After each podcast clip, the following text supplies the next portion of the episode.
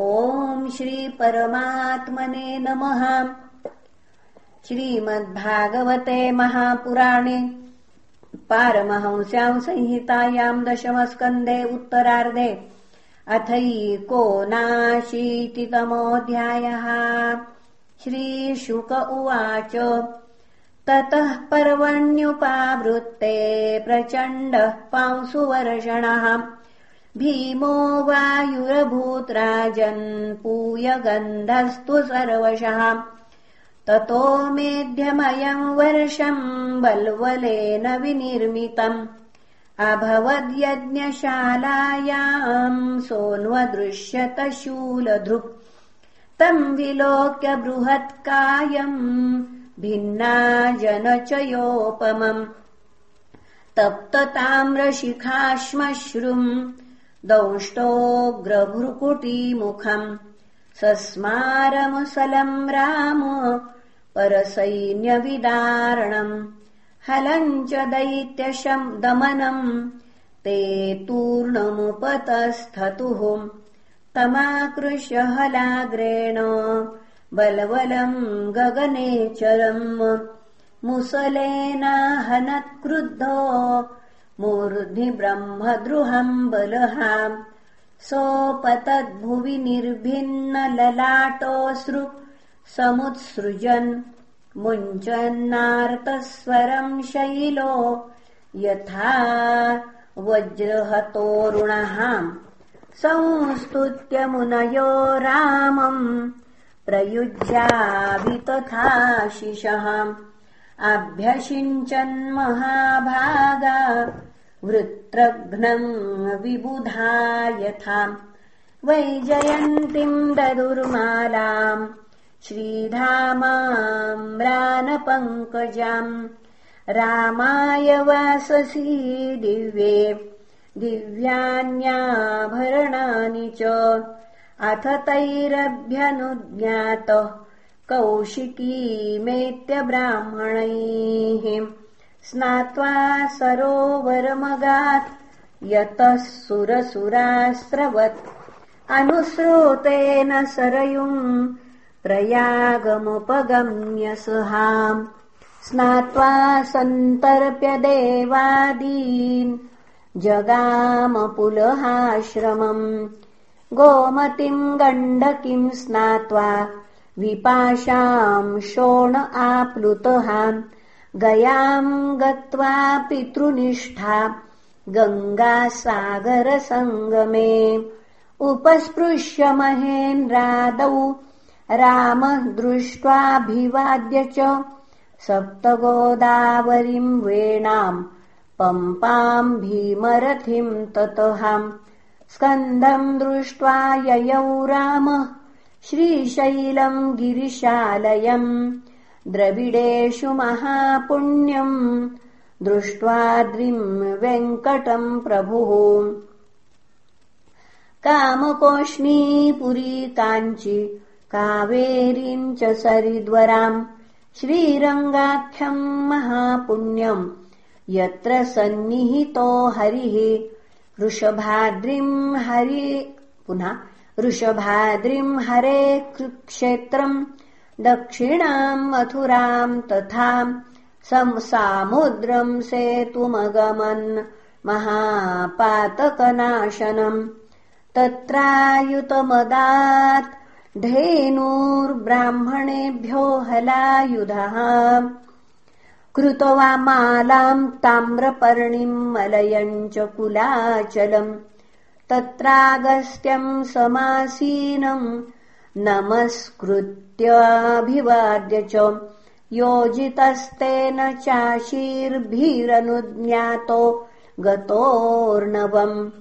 दक्षिणम् तत्र कन्याख्याम् दुर्गाम् देवीम् ददर्शः।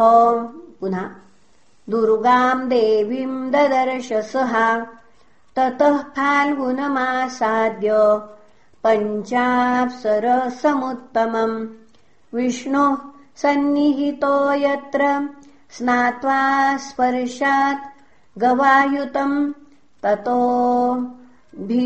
व्रज भगवान् केरलांस्तु त्रिगर्तकान् गोकर्णाख्यम् शिवक्षेत्रम् सान्निध्यम् यत्र धूर्यटेः।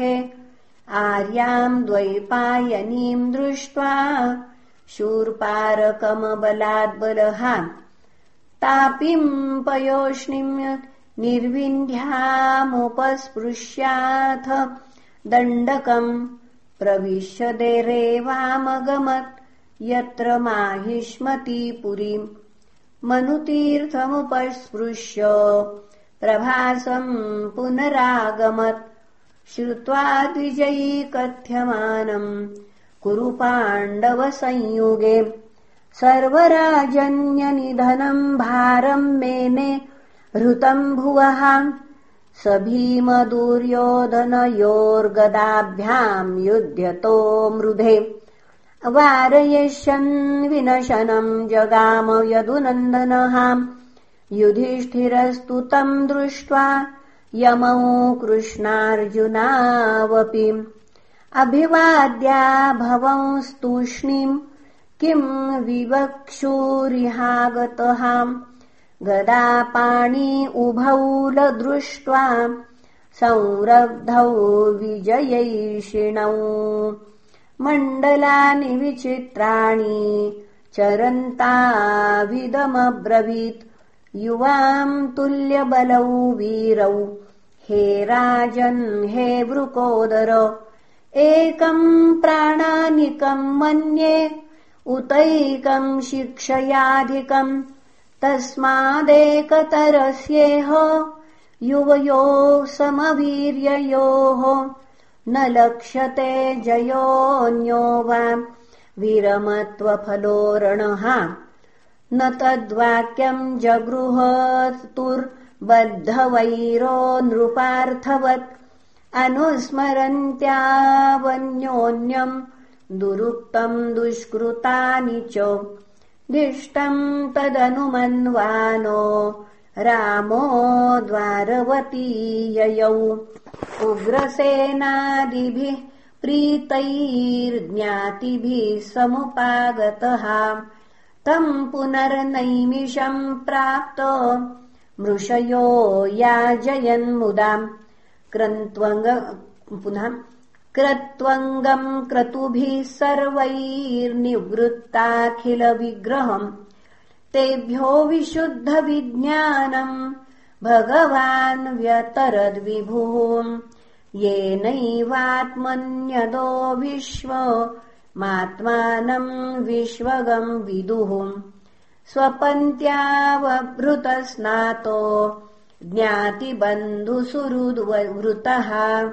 रेजे स्वज्योत्स्नये वेदु। सुवासा सुष्ठ्वलङ्कृतः इदृग्विधान्यसङ्ख्यानि बलस्य बलशायिलिनः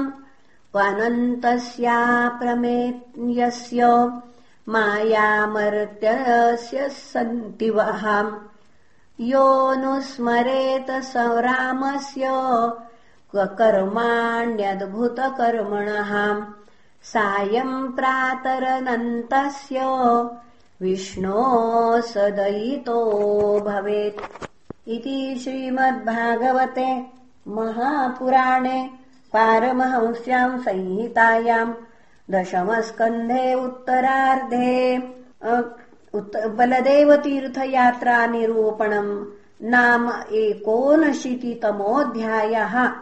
श्रीकृष्णार्पणमस्तु। हरये नमः हरये नमः हरये नमः